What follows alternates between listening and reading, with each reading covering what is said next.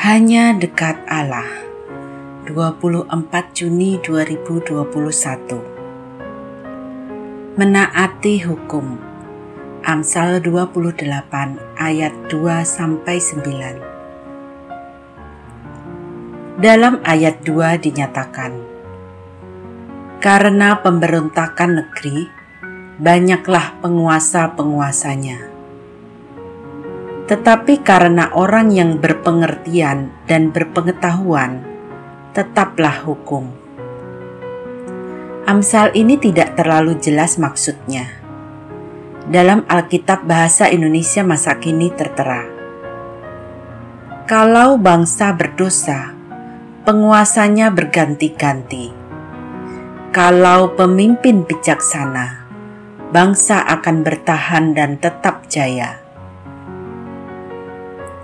Pemimpin itu merupakan representasi bangsa. Raja salah bertindak, seluruh bangsa jadi korbannya. Kelaliman penguasa cenderung menyulut pemberontakan, sehingga kebijaksanaan penguasa menjadi kunci kestabilan politik dalam negeri. Sebab pergantian raja akibat pemberontakan hanya akan memunculkan pemberontakan baru. Bagaimanapun, ini yang sering terjadi. Yang berkuasa lupa mengelola kuasanya dengan bijaksana. Empuknya kursi kekuasaan membuat orang lupa berdiri. Mudah dinalar jika dalam ayat-ayat berikutnya Alkitab Bahasa Indonesia masa kini memperlihatkan pentingnya bagi penguasa untuk menaati hukum. Penguasa yang menindas orang miskin seperti hujan lebat yang merusak panen.